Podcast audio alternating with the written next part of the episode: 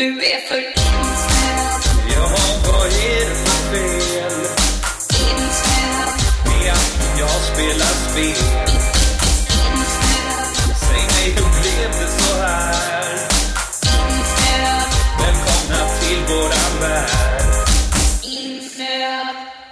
Ja, då hälsar vi er varmt välkomna till episod 5 av Insnöd. Äntligen, som du brukar säga. Det, det kan bli vårt, ett stående inslag också. Att vi säger äntligen varje gång för att det är så sällan vi släpper. Ehm, Ja, nu var det för länge sedan. ja, hur som helst. Välkomna ska ni vara. Vi tänkte lägga upp eh, programmet så här idag. Att vi börjar med tv-spel. Sånt som vi har spelat sen sist. Även lite brädspel följer på det. Och så avslutar vi med Linus tipsar. Som vanligt. Det blir inget skämshögen den här gången för vi har inte hunnit spela igenom Snatcher som vi har börjat på. Så vi tänkte, det, det blir ett vanligt eh, avsnitt med bara vad vi har gjort sen sist ungefär. Och jag som pratar heter David Sandberg och med mig har jag Nor Aner. det är också som vanligt så ni känner er trygga i vår famn. Eh, Vi drar väl igång direkt eh, på vad vi har gjort sen sist. Jag har precis för en timme sedan klarat eh, Catherine till eh, PS3. Som släpptes eh, 2011 i Japan och 2012 i Europa. Gjort av Atlus som gjort de här Persona-spelen och Shin Megami Tensei har de väl gjort också. Eller det är väl någon tidigare version. Ehm, Men Catherine i alla fall, det är ett... Vad ska man säga? Det är ett spel som blandar pussel och relationsdrama på ett lite annorlunda sätt. Det är sällan man... eh, Eller de flesta blev nog ganska förvånade när Atlus sa att de skulle göra ett, ett, liksom, ett sånt spel. I Persona-spelen så är det i och för sig vardags... Mm.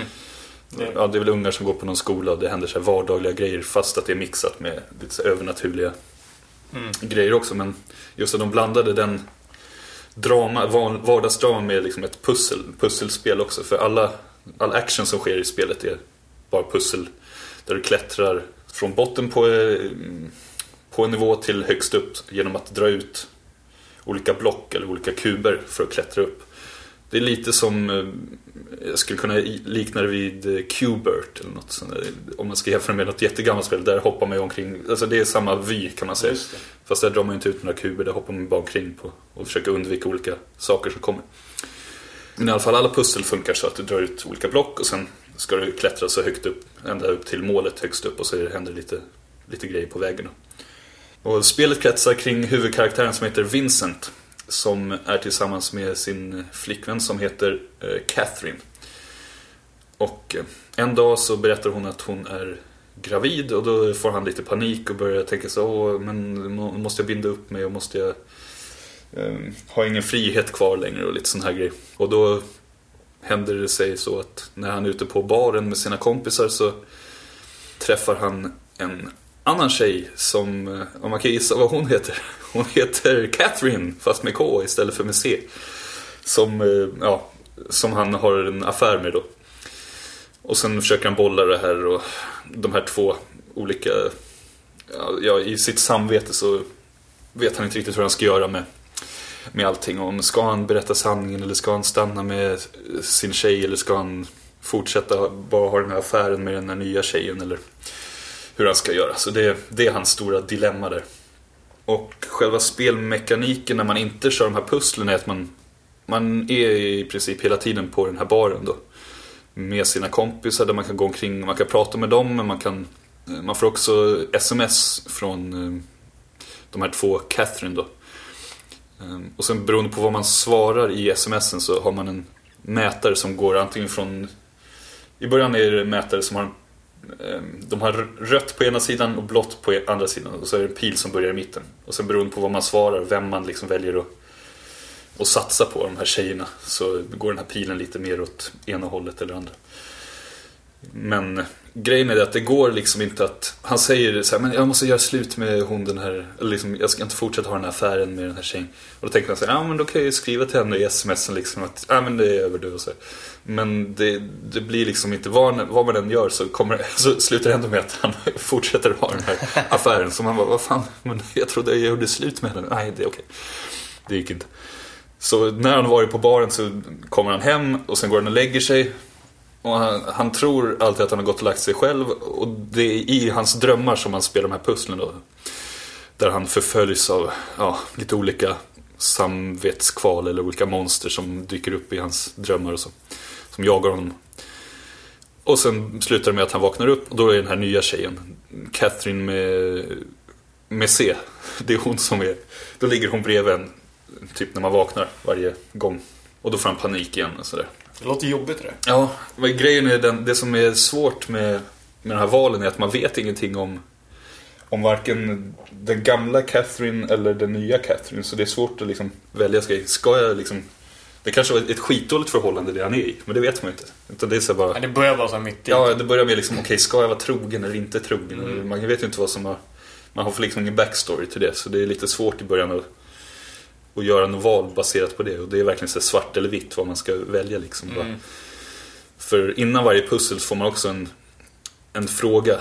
Eh, så här, okej, är det beundransvärt eller, eller liksom är det det värsta man kan göra att eh, vara otrogen? Och är liksom här, ja, det är liksom, det är så, så det finns liksom aldrig någon Ah, sorts okej. mellanväg. Utan man ska måste, måste välja något av det där. Och så så det, det är väldigt svart, svartvitt sådär. Men det kan man störas på lite i början eftersom man tänker så här. Ja, man, man, liksom man vill försöka, man vill bara, ja men okej nu, nu bestämmer jag mig. Jag vill inte, vara, vill inte ha den här affären längre så jag, jag ska bara göra slut liksom. Men det kan man ju förstå samtidigt för att spelet ska, story ska drivas framåt så måste det hända, hända vissa saker. Ehm, Mm. Så det, det är väl förståeligt på så sätt. Men Jag har en fråga bara. Ja. Eh, Jag tänkte på de här valen som man gör, alltså vem man satsar på och sådär. Alltså hur, hur bety- mycket betydelse för storyns utveckling har vad jag har förstått så är det, kan man få olika slut då, beroende på hur, hur mycket den här pilen pekar åt rött som är den här eh, otrohets Mm. Catherine eller blått som är den Catherine som man är tillsammans med. Men jag har bara spelat igenom det en gång så jag vet inte. Nästa gång kanske man ska försöka verkligen satsa på. Nu svarar jag liksom som Var jag, du trogen? vad som jag tyckte. Uh, ja, hyfsat. Jag försökte. Jag, jag, jag valde efter ett tag. Som sagt i början är det svårt att göra det där valet. Men, eftersom jag inte vet något om någon av personen. Liksom, men jag försökte liksom vara...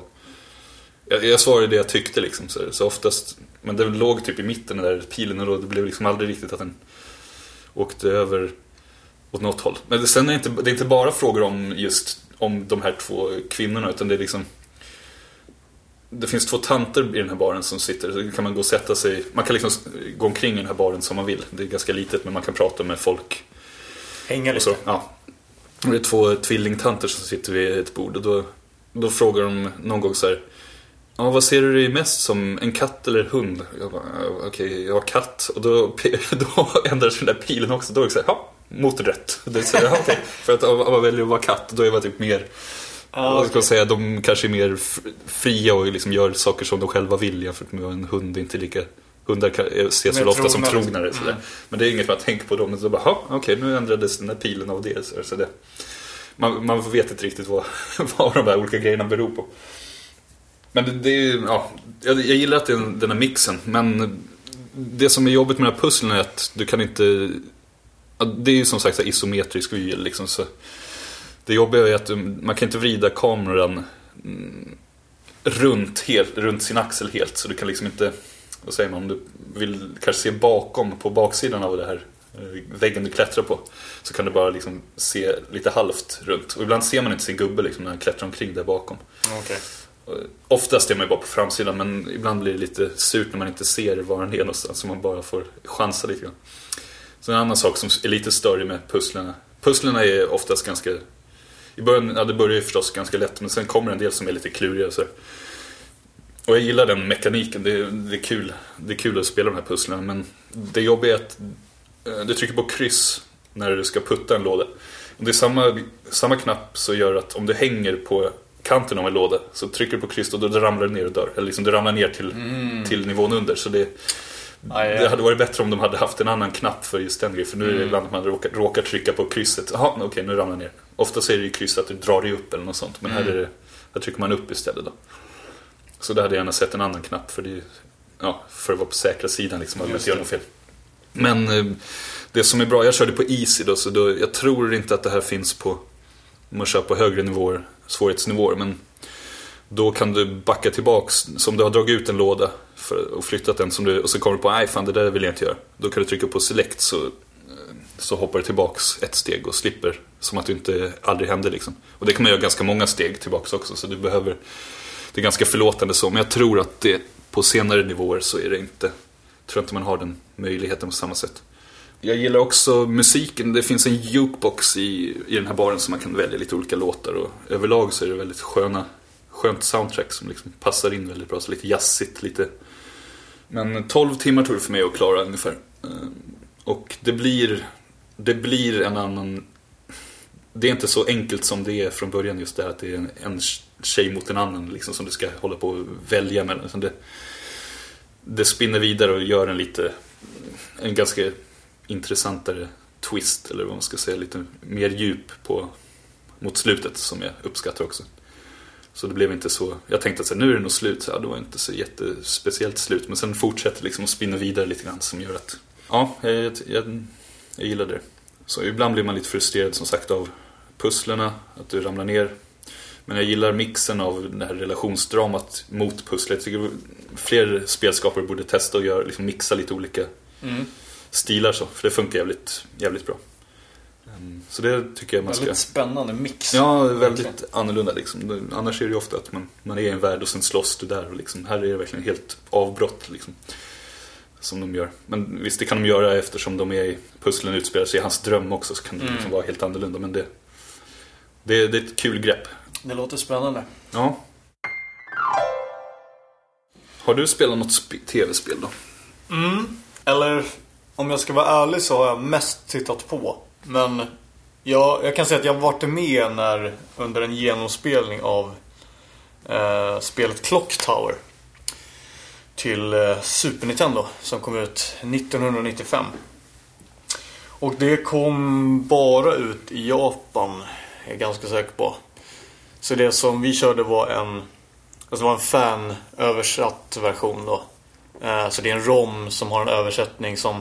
Men vi spelade på en Super Nintendo. Oh, ROM! Jaha, på Super Nintendo. Ja, på Super där, där, där var det nästan att man stängde av. Nej, nu räcker det. Jag vill inte höra det mer. inte, det är inte så äkta. Nej men eh, det var eh, så här. eh, Det finns ju såna här converters som man stoppar in ett vanligt minne i. Liksom. Med rommen och så kan man spela det på sin SNES. Liksom. Så vi körde det på en SNES. Men jag spelade rätt lite och kollade mycket. Men det var, det var ett spel som hade legat på min skärmshög ändå tidigare. Så jag vet inte om jag kan räkna med, liksom räkna bort den nu riktigt. Du kan räkna bort det från din egen, inte från den officiella Nej, precis. insnöad skäms. Nej, men jag vet faktiskt inte om jag kan räkna bort från min egen heller. Jag kanske måste spela om det faktiskt. Men det här är ett spel som jag vet inte hur många som känner till det. Det, det finns tre delar i serien. Eller egentligen finns det fyra. Men det är två som bara fanns i, Japan, de två första. Sen kom det ett till Playstation och ett, en trea till Playstation 2. För det är det jag kommer ihåg. Eller jag vet inte, hette det Clock Tower 3? Eller? Ja, det gjorde det. Det har alltid he- hetat, de nyare också, de heter Clock Tower, Clock Tower 2, Clock Tower 3. eller? Ja, men sen var det ju ett mellan, mellan ettan och tvåan som hette något annat som jag inte minns nu. Som, som var superjapanskt typ. Ja, men eh, ettan skiljer sig lite också. Därför att ettan är ju faktiskt något så ovanligt som ett, ett survival horror peka och klicka spel till Super Nintendo så att säga. Det är, jag undrar hur många, det är nog det enda i sitt slag vad jag vet. Eh, Just eftersom det peka och klicka. Det fanns ju ett par sådana till SNES men det var ju typ ingen som var bra vad jag vet. Eh, Det här är- SimCity fanns. Ja, det är inte riktigt peka och klicka-äventyr men... Nej, det Nej, men, eh, men, men det här är bra. Definitivt bra. Tycker jag. Hur funkar det liksom med kontrollen? Med handkontrollen då, just att välja Styr runt muspekaren eller liksom hoppar den mellan grejerna på skärmen eller liksom styr den som att du drar en mus mm, sakta över skärmen då när du... Alltså för det är det som man kan störa sig mest på Ja. om man s- spelar sådana spel på konsol. Nu blir jag extremt osäker nu när jag sitter här bara för det. För det var ett tag sedan jag spelade också. Som jag minns det så, jag tror inte att det är någon muspekare nu när jag tänker faktiskt. Utan jag tror att du styr, du styr gubben som det är ett liksom typ plattformsspel liksom. Okej. Men med vissa knappar så, så liksom undersöker du och eh, med vissa knappar så gör du andra grejer. Jag är ganska säker på det. Usch vad dåligt att jag inte kommer ihåg det. Men, men en annan grej som verkligen skiljer ut det här från andra spel i survival horror- horror-genren, eller åtminstone gjorde det på den tiden, det är ju att du har inga vapen alls. Lite som i Project Zero. Fast där har du ju för sig en kamera som ett vapen. Men här har du inga. Utan här gäller det att gömma sig. Men jag, jag kanske ska säga lite vad, vad, vad liksom inramningen är. Det glömde jag. Att du... Jag minns faktiskt inte riktigt storyn. Det är inte så mycket till story. Men man, man själv då, huvudpersonen, en ung liksom, tonårstjej och ens kompisar eh, liksom... Jag vet inte vad man gör, men man är i ett hus i alla fall. Det är, det är läskigt i huset. Ja, man är i ett läskigt hus liksom. Ja, det är väl någon sån här att de har en vecka ledigt och sen ska Ja, åka ut till så här, jag, har hört, jag har hört att vi ska campa i det huset. Eller typ. Det är något så, men det är typ något sånt. Det är väl, väldigt liksom, den inramningen känns ganska, mm. ja den är ganska generisk den inramningen. Det är klassiskt liksom skräckinramning så. Men sen så är det i det här huset så är det en, jag tror han heter Scissor Man som, som dyker upp. Och han dyker upp, det är slumpgenererat var han dyker upp. Det är det som är så att han kan dyka upp i olika rum och då måste du så att säga hitta olika lösningar på det. Du måste gömma dig på ett visst ställe eller man kan få honom och Man kan gå in i närkamp med honom också. Och man kan typ putta om, omkull honom och sen kan man springa därifrån. Har han en sax? Eller. Ja, han har en stor sån här, eh, vad heter det? En sån här häcksax som Ah, ut med. Ouch. Mm. Ja. Eh, Men så det är honom som man flyr ifrån egentligen genom hela spelet. Men han dyker upp på läskiga ställen och sådär som sagt och sen gäller det att... Och det är lite andra grejer som händer också. Det dyker upp liksom hinder och, och lite andra läskiga grejer. Går det på tid ibland eller är det liksom... Har du din statiska liksom, skärm du är vid och typ så här, ska lösa ett pussel eller? Eller är det något så här, åh nej nu måste vi, nu är han på väg eller något så här, Ja. tid eller något sånt som... Om du är jagad så går det lite på tid. Du måste skaka av dig honom. Så då, då, då är det. Men annars är det inte så. Utan det är snarare att om du går in i ett visst rum liksom. När du har gjort vissa grejer så händer en viss grej. Så kan man säga. Så att, beroende på vad du har gjort så. Och så är vissa, vad han dyker upp i slump så att säga genererat tror jag. Men att Ibland, alltså, så en gång som du spelar så kanske någonting händer i ett rum och nästa gång så händer inte det i just det rummet utan du triggar det genom någon, Okej. något annat som du har gjort någon Ja, det är ju spännande. Ja, det, Om det funkar bra, coolt. liksom, om det görs på rätt sätt. Jag tycker att det funkar bra. Det gör ju att det, gör att det finns omspelningsvärde. En annan grej som, är, som var intressant med spelet är att det finns olika slut på det. Dels beroende på vilken svårighetsnivå man kör på men också dels beroende på... Du kan klara spelet på 10 minuter. Det finns ett sätt att klara det men då överger du dina, dina polare i huset så att säga. Eh, så då, då får du liksom ett dåligt slut om man ska säga. Men du klarar Får fortfarande man, spelet. får man en bokstavsbetyg också? Nej. Eh, jag tror det. Man får, man får något sånt. Man får en ranking, någon sorts ranking. Eller om man får i procent också, jag kommer inte riktigt ihåg det. Men man får nå- något så här betyg i alla fall. Jag tror att eh, när vi spelade så slutade vi på näst högsta i alla fall. Så, Ja, det låter ju bra. ja. Hur långt eh, tog det då? Vet du det? Eh, nu hade ju han som jag spelade med spelat det förut, så han kommer ihåg det. Så det, det gick rätt fort. Jag tror det tog kanske en och en halv timme Oj, att spela okej. igenom det. Då. Men då var det ändå att vi dog några gånger så där på vägen. Men, men så det är inte ett långt spel så. Men det, de här spelen bygger ju på att man dör många gånger. Och måste, det är trial and error liksom. Eh, samtidigt som det är pussellösningar. Det, det, det är inga sån här... Det är inte som såna här liksom, vissa LucasArts pussel där det är konstiga grejer som du ska göra. Liksom, kombinera det här med det här och så typ Ta en sopkvast och stoppa ner i en kaffemugg och sen Ja. så blir det en... Så har du gjort en fågelskrämma eller? Ja, ja precis. Ja. Nej men det är inte på den nivån utan det är ganska logiska grejer liksom. Det är inte så här supersvåra grejer att förstå liksom.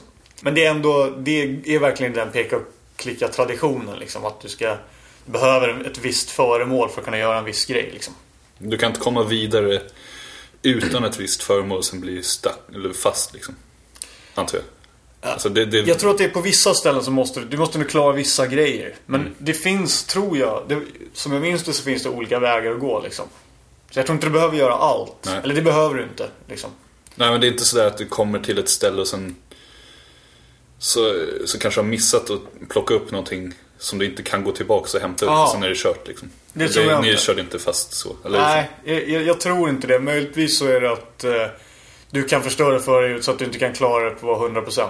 För så är det ju för att en del av syftet, eller en del av liksom eh, ditt uppdrag med spelet om man ska säga är ju att du ska hålla dina eh, kompisar vid liv. Eller så många av dem som möjligt kan man väl säga.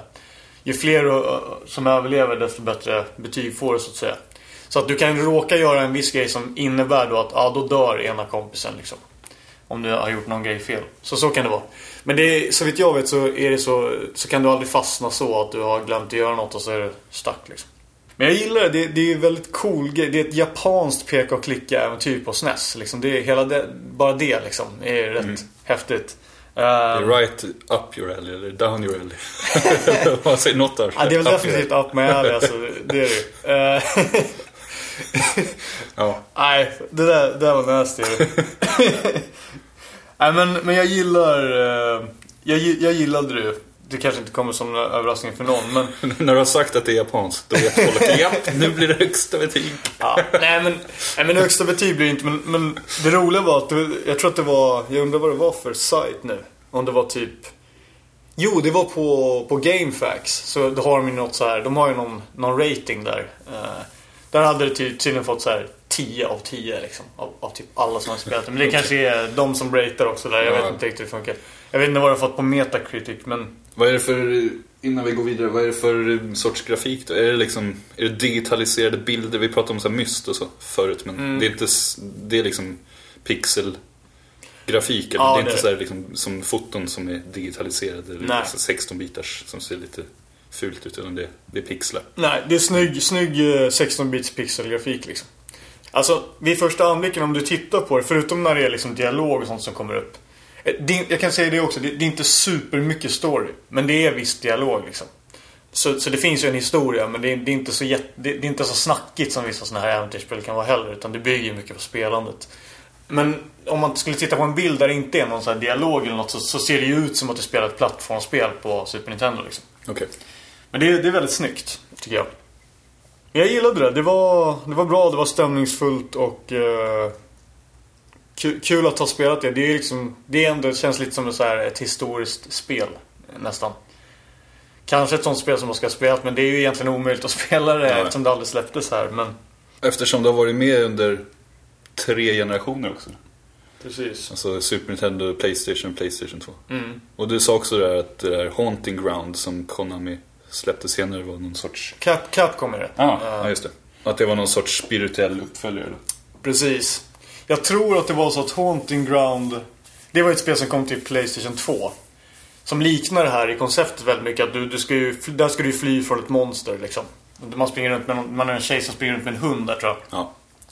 Men det är väldigt likt Det skulle ha blivit, som jag har förstått det, egentligen Clock Tower 4 Men sen av någon anledning blev det inte det utan de gjorde en, någon slags spirituell uppföljare istället då Så det blev Haunting Ground men De kanske inte var nöjda med, med trean då. Eller hur det hade sålt. De kanske inte ville göra en uppföljare på att, för att det var för dåligt. Liksom.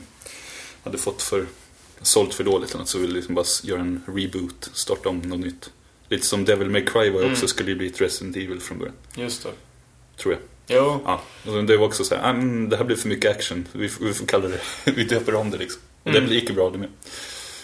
Haunting Ja, Ground gick ju inte lika bra. Det gick inte lika bra, nej. men, nej verkligen inte Nej men hela det- den genren dog ju, ja, nu spinner vi vidare på lite konstiga men hela den genren för, ändrades ju lite i och för sig. Alltså den skräckgenren som det var med Silent Hill och gamla Resident Evil, lite Mm. mer så här lugnt, liksom tryckt stämning, den dog ut lite grann. nu.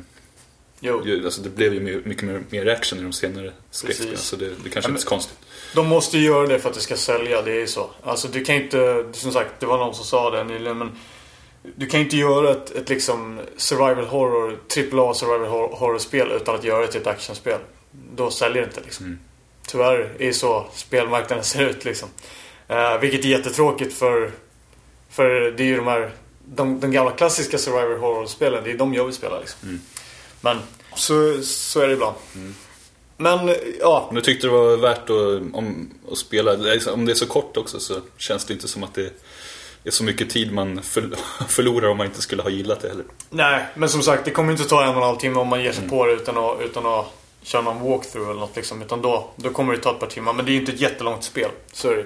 Gillar man den här, den här genren och kan tänka sig att spela på SNES så, så tycker jag man ska kolla in det. För det är just det här liksom, eh, un, undvika faran. Liksom det här att vara jagad skräckspel. Det, det tror jag är det första som gjorde det.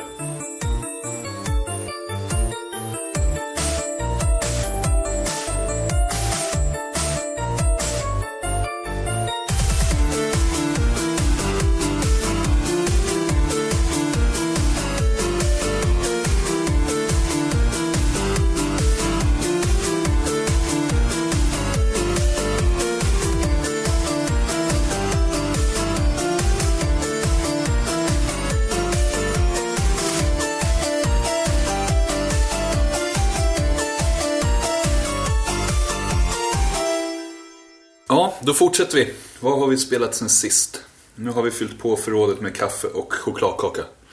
Så nu är vi redo att köra. Um, jag har ju spelat, ja, det tog jag upp redan i förra avsnittet, det här Bastion som jag hade börjat på.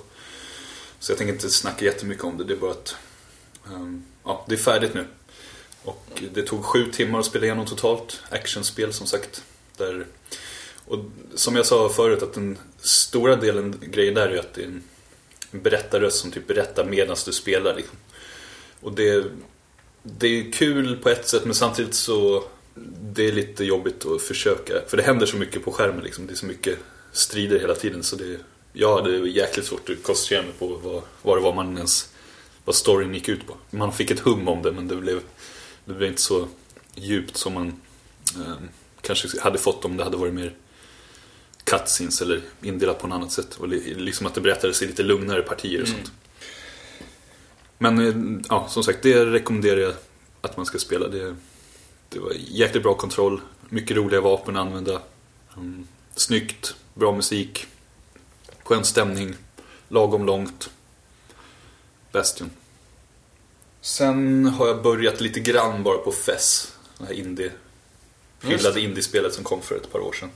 Mm. Men där har jag verkligen bara, bara börjat. Liksom, satt igång, kollat på introt och sen sprungit runt lite grann.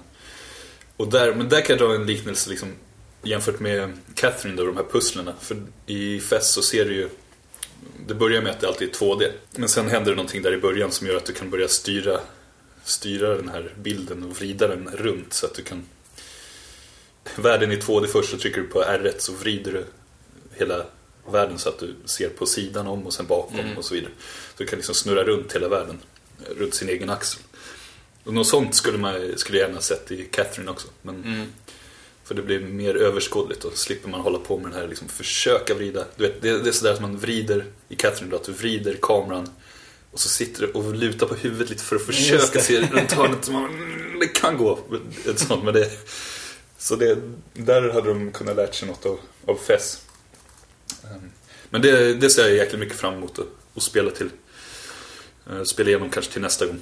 Ehm, sen har jag också börjat lite på Ghostbusters The Game till PS3. Som eh, den faktiskt fick bra kritik. Jag tänkte först att det här är nog skräpspel. Men det har jag fått typ 78 på Metacritic. Så det tänkte jag, det hittade jag begagnat för en billig peng. Så det, det ska jag också försöka komma igång med på riktigt.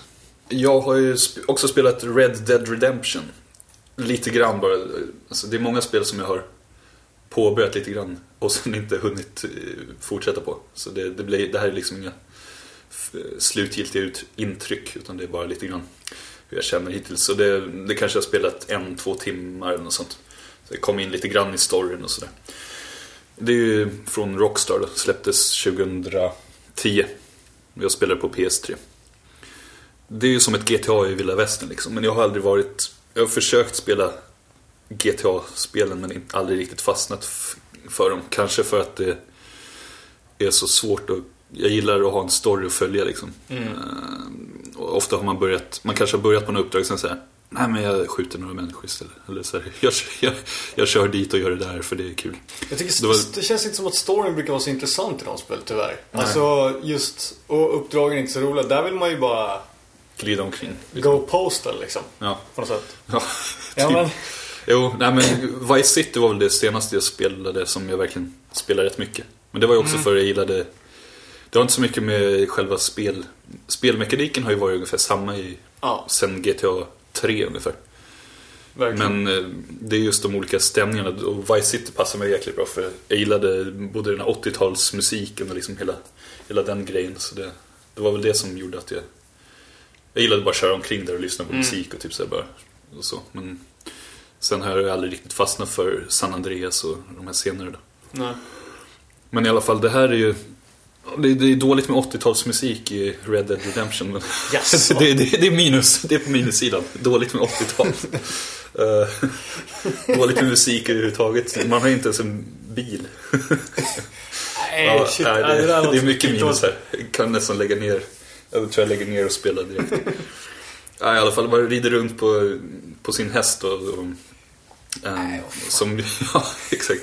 Som John Marston som han heter. Det jag gillar i det här är ju just att jag har alltid gillat västern, stämningen i västern. Det är så här ensamt och det är liksom ödsligt typ.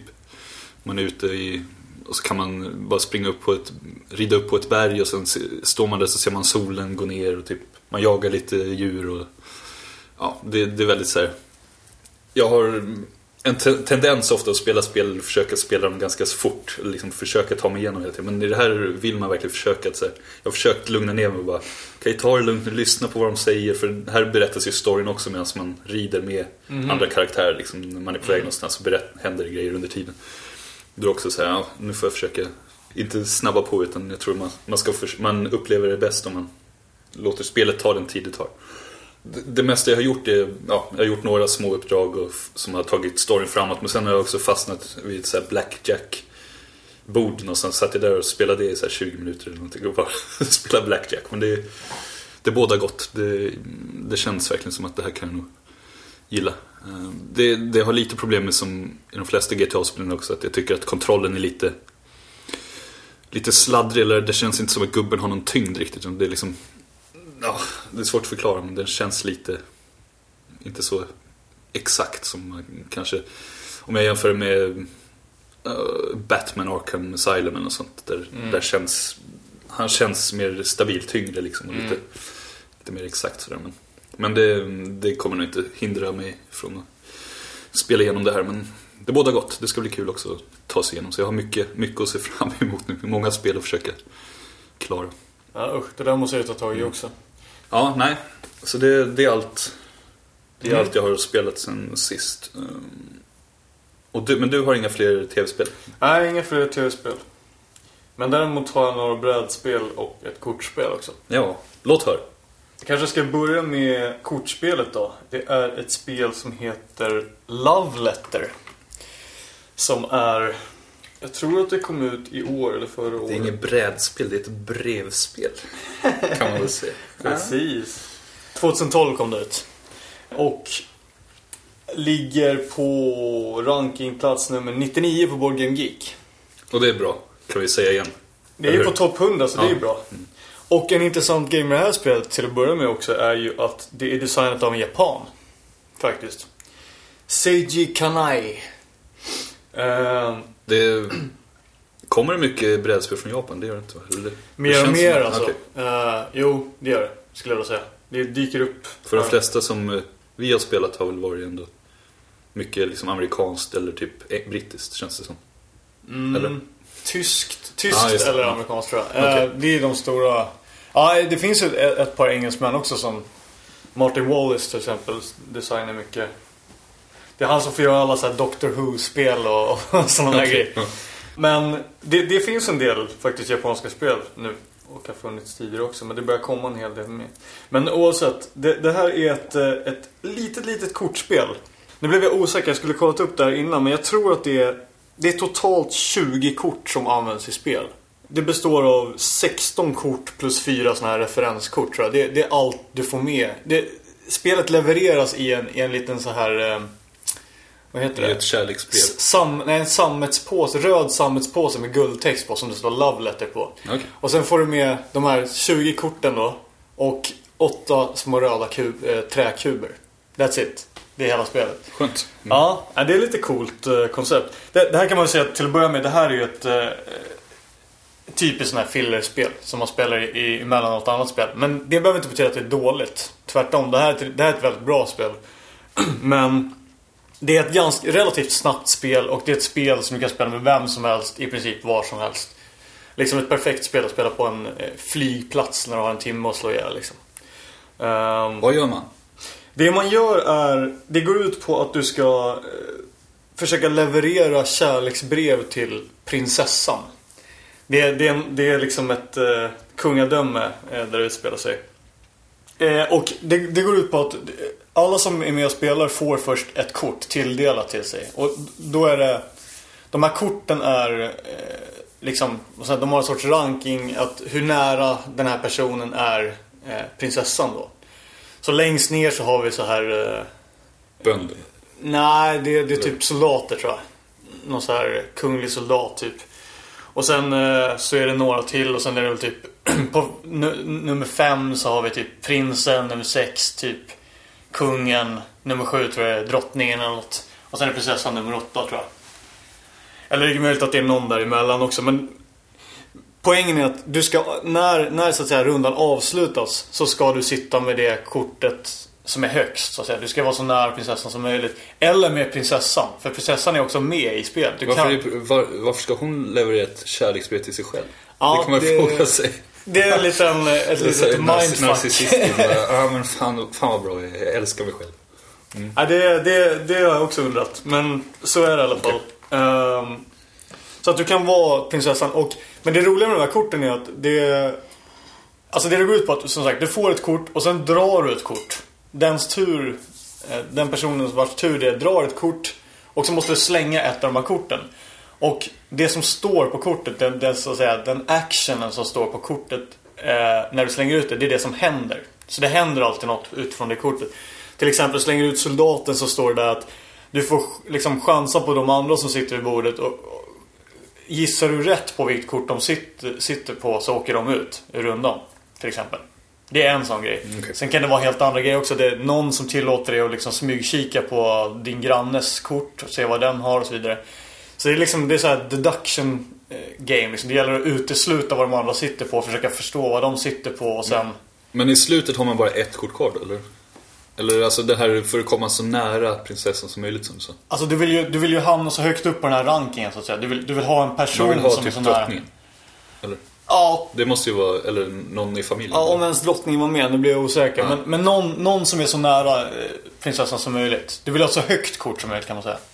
När båda visar sina kort i princip så är, det- så är det slut. Av någon anledning. Eller att, ja det kan sluta på lite olika sätt. Men, ja, men det är väldigt kort så är det det det går ut på. Eh, och det, det är kul. Det, däremot så, det var inte lika kul. Det är, från det är två till fyra spelare tror jag på det. Det är bäst med fyra spelare såklart. Men två, jag, jag testade att spela det två. Det funkade inte alls så bra. Då blev det broken liksom. Då, då finns det vissa grejer som, som gör att man, kan, att man vet vad den andra sitter med på handen. Fast man egentligen inte ska kunna veta det. Typ. Men eh, väldigt kul spel och eh, som om alla kan och sådär. Det står här playing time på Board Game Geek, Geek står det 20 minuter. Oj. Men Då tar det kanske 40 då, man, första gången. Ja, precis. Jag tror att någon gång, när, när vi körde det fyra så tog det nog runt 40 minuter, 45 kanske. Schysst. Ja, kul spel. Och kul att det var en japan som designade det. Ja. Nästa spel som jag har... Det var därför jag gillade det. För att var, du har inte spelat det. Du, du var så, ja, jag gillar är det ändå, men... Ja, det kanske påverkar lite grann. Förmodligen. Nej, men det, det, det, det, var, det var väldigt Det kan jag säga också. Det, det, det var väldigt hypat. Alltså, är väldigt hypat fortfarande. Men, men var det långt innan också. Det var mycket snack om det här innan liksom. eh, I spelvärlden. Just den här grejen också att det är så få kort som har... Jag menar, spelet kostar typ runt en hundralapp och du får ju nästan ingenting till. Men det är inte det som är Nej. grejen liksom. Du får ett bra Du spel. får underhållning. Ja, exakt. Rabbretta.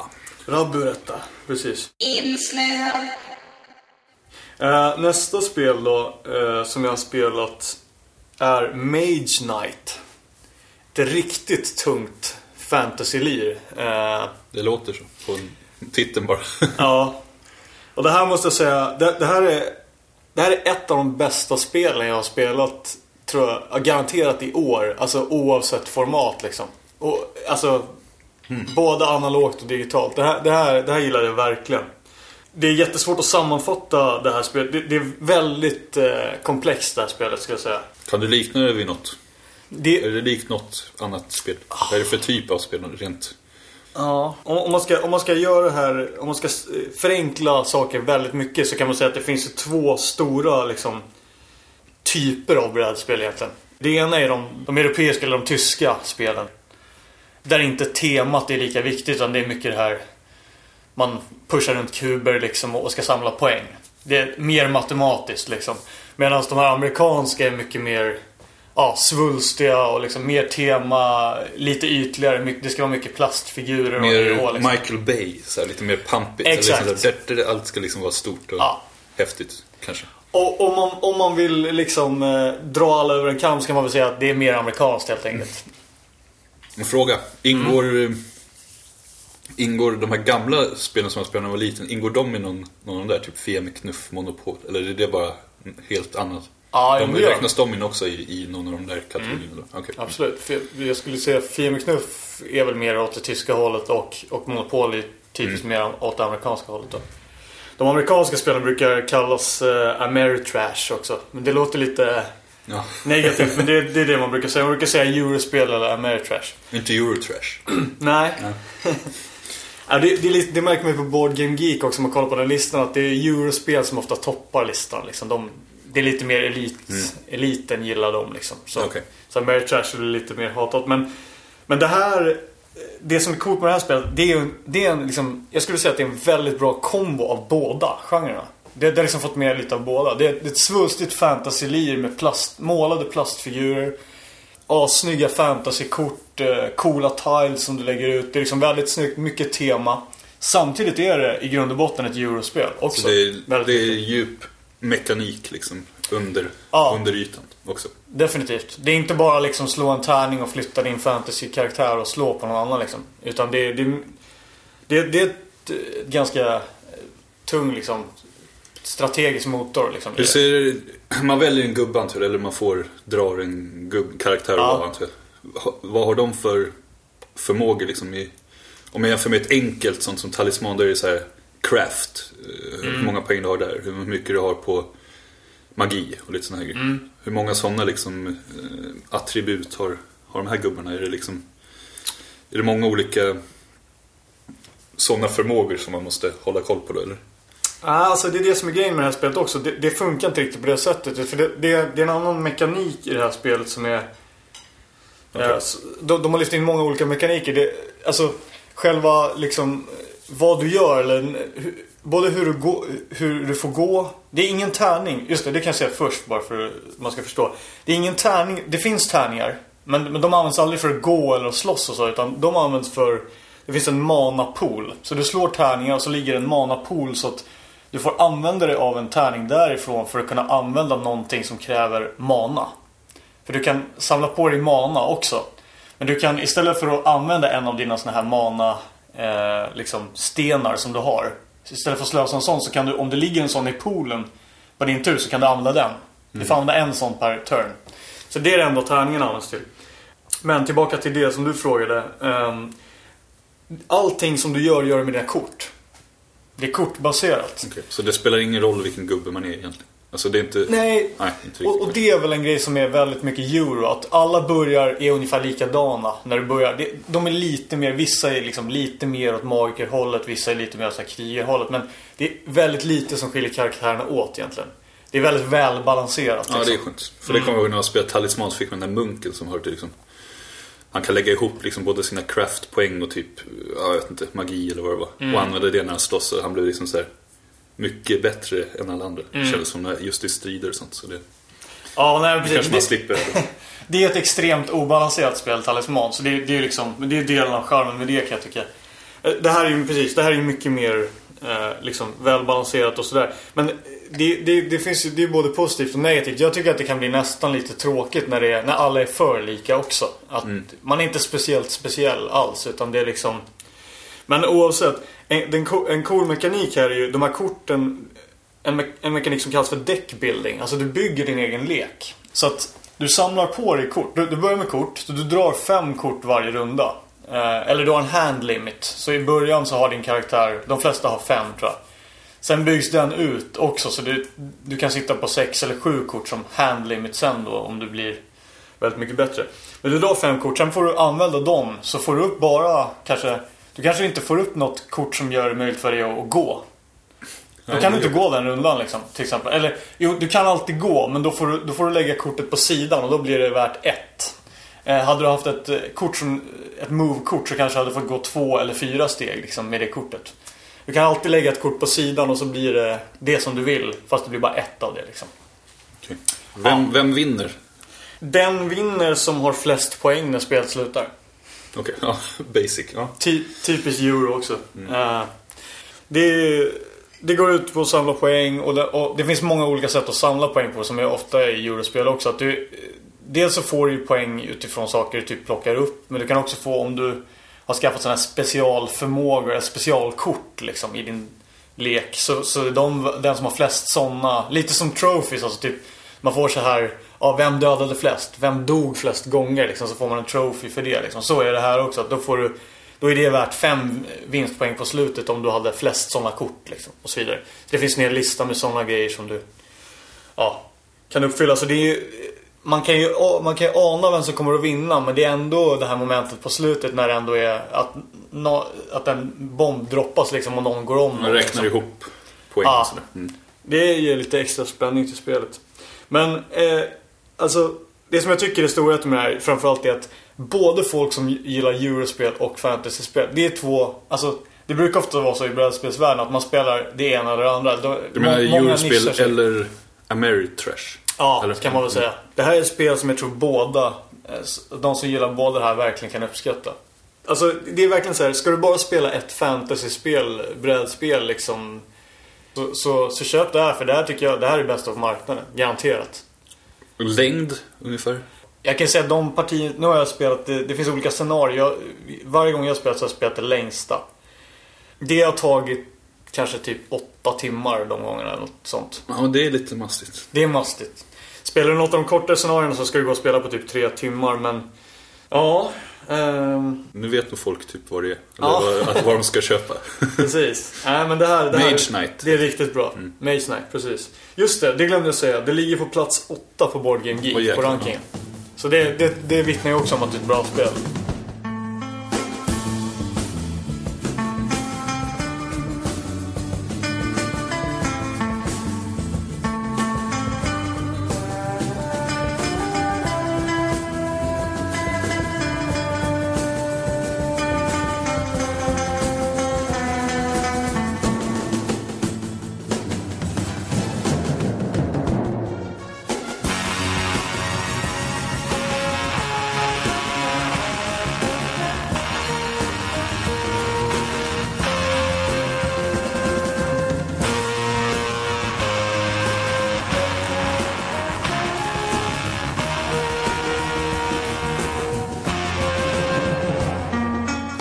Hade du ett sista. Ditt tredje brädspel du har spelat sen sist. Vad var det? Precis. Eller ja, jag har spelat många fler än så men jag fick... Nej, nu räcker det. det, är ditt, det här är ditt sista. Nu bestämmer vi det. Ja, absolut. Jag, jag har valt ut ett, ett till eh, som, jag, som jag ville ta upp. Det som, det som jag har spelat de senaste gångerna jag har spelat brädspel. Det, det är ett väldigt nytt spel som har kommit ut som heter Pathfinder The Adventure Card Game. Jävlar vilken titel. Ja. Den var lång. Eh, det, Pathfinder är en, en äh, rollspels, alltså penna och papper rollspelsserie från början. Men nu har de gjort ett kortspel, fantasy-kortspel. Som är väldigt underhållande. Som jag har, jag har spelat eh, två gånger. Och Board Game Rank 49, plats 49 ligger på. Det är ett hyfsat standard fantasy-spel skulle jag säga ändå. Li- lite liksom talismanaktigt fast bättre. Skulle man väl kanske kunna säga. Eh, fast med kort då. Du, du har liksom en, en karaktär som du är som har förmågor som du kan uppgradera. Så det är lite rollspelsaktigt.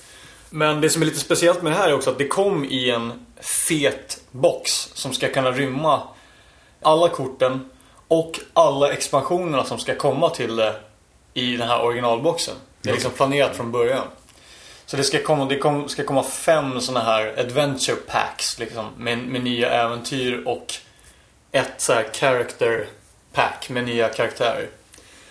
Det följer med ett grund ett grundäventyr som är tredelat liksom i, i grundboxen. Det har jag spelat igenom och sen har jag spelat två äventyr av fem. Eh, eller det, det är scenarion. Det, det är ett äventyr uppdelat i olika scenarier, så kan jag säga. Så två scenarier av ett sånt där äventyrs, det första äventyrspacket har jag hunnit spela hittills. Eh, man vet vilka, vilka kort man får när man köper det. Alltså. Det är inte som eh, att köpa. Magic-kort. Att det är så hopp, nu fick jag de här. Nej, det är inget sånt samlarspel. nej. Nej, nej, verkligen inte.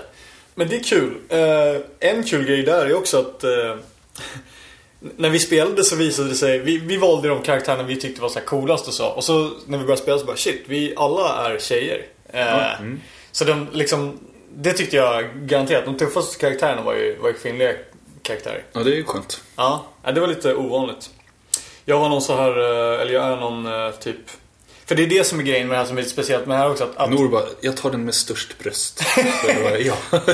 nej, nej, verkligen inte. Jag tänkte såhär, det- jag, jag tar det som ser mest ut som en cool krigare. Till det. Så här jätte... ja, det. Pucko macho liksom. Men så var det en, en tjej. ja.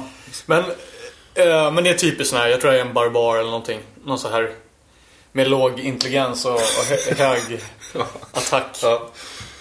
Men ehm, det, det som är speciellt med det här spelet är också att du, det- du får ju din karaktär vidare. Din karaktär kan dö och då är den död. Då måste du börja om med en ny. Men om den inte dör så får du fortsätta spela den i varje nytt äventyr. Så du, du liksom biffar upp din karaktär, får nya vapen och, Okej. och går vidare. Så det är det, det som är framförallt det roliga tycker jag med det. Men det är olika äventyr och det är ganska standard. Det är egentligen varje äventyr är, är, är att det är fem högar. Det är fem liksom, ställen du kan bege dig till. Som är fem högar med kort. Och så är det en, en liksom boss, eller vad man ska säga, i, i någon av de här högarna.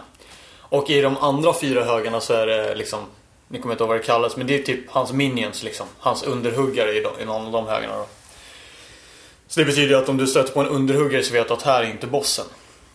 Och så är det lite som i Arkham Horror att det gäller liksom att, det gäller att stänga de här, det här stället så att säga. Att du ska liksom ska gå igenom hela högen och, eh, och eh, grejen är varför man ska stänga är för att annars, om man inte gör det så kan när man träffar på bossen och spöar honom så kan han hoppa, då flyr han till ett annat ställe om de är öppna liksom.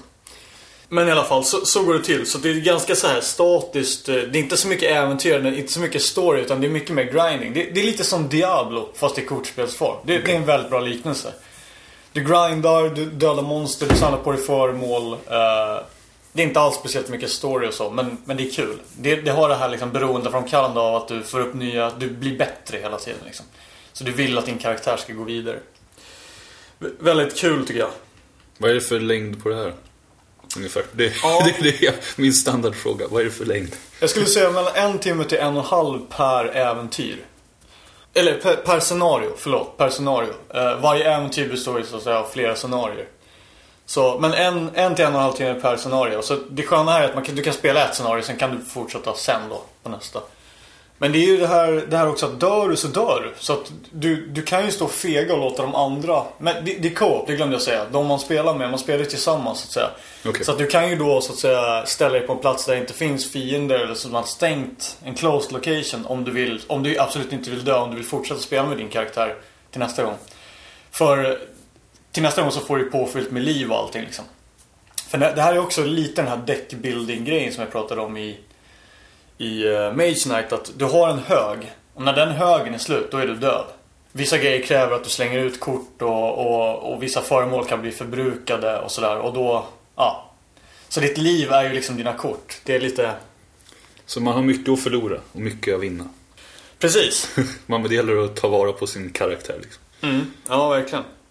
Och sen är det det, vissa är ju till exempel så här magiker och sånt är ofta, de har ju mer, större handlimit. Men det gör ju också att de, de är mer sårbara, det vill säga de, de dör ju snabbare. För att om du inte kan fylla din handlimit, om du, så att säga, om du sitter på sex kort på hand och så har du bara två du kan ta upp. Och så måste du ta upp tre kort. Då betyder det att du är död. Okej. Mm. För då är det liksom, nej, då är korten slut.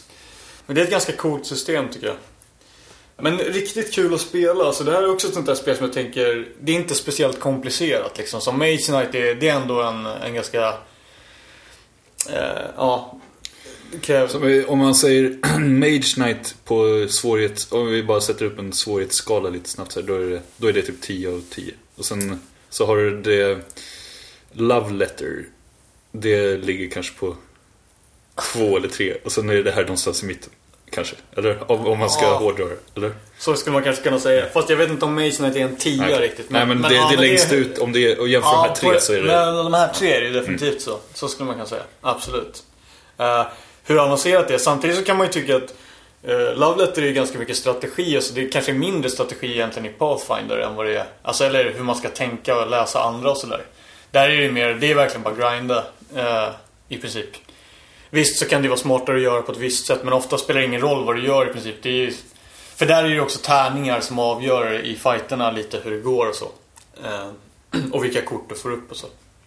Så det är mer random men men det är ju mindre random än ett sånt fantasyspel som Talisman till exempel. Där allt handlar egentligen nästan om tärningarna. Eh, Mm, nej, men det kan jag verkligen rekommendera. Det är ju väldigt hett där just nu också. Det har ganska nyligen kommit ut och så. så att det är, men eh, kul spel som det kan, det kan jag rekommendera till alla som, som inte hatar fantasy liksom. Mm. Yes.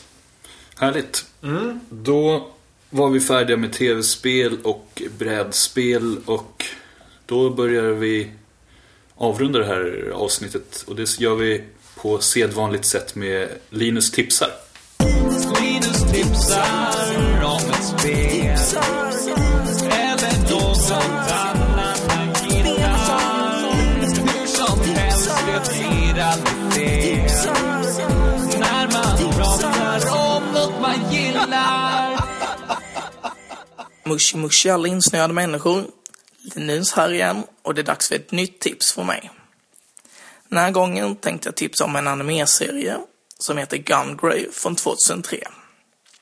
Gungrave är en maffiaberättelse där vi följer två personer som heter Brandon Carey och deras resa genom den kriminella världen.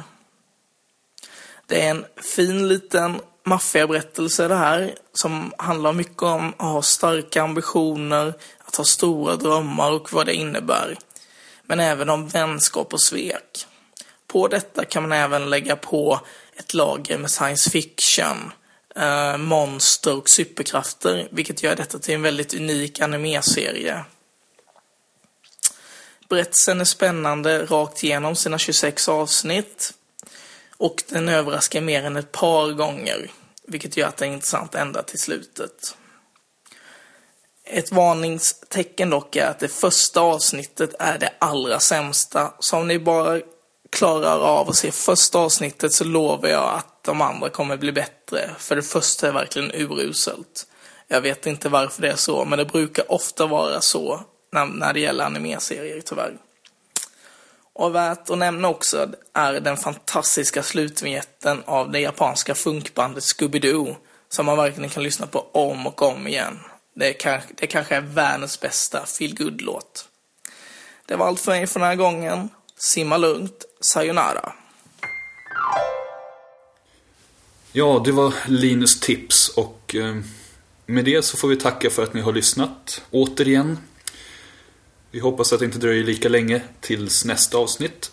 Och gå gärna in på vår hemsida insnoad.net.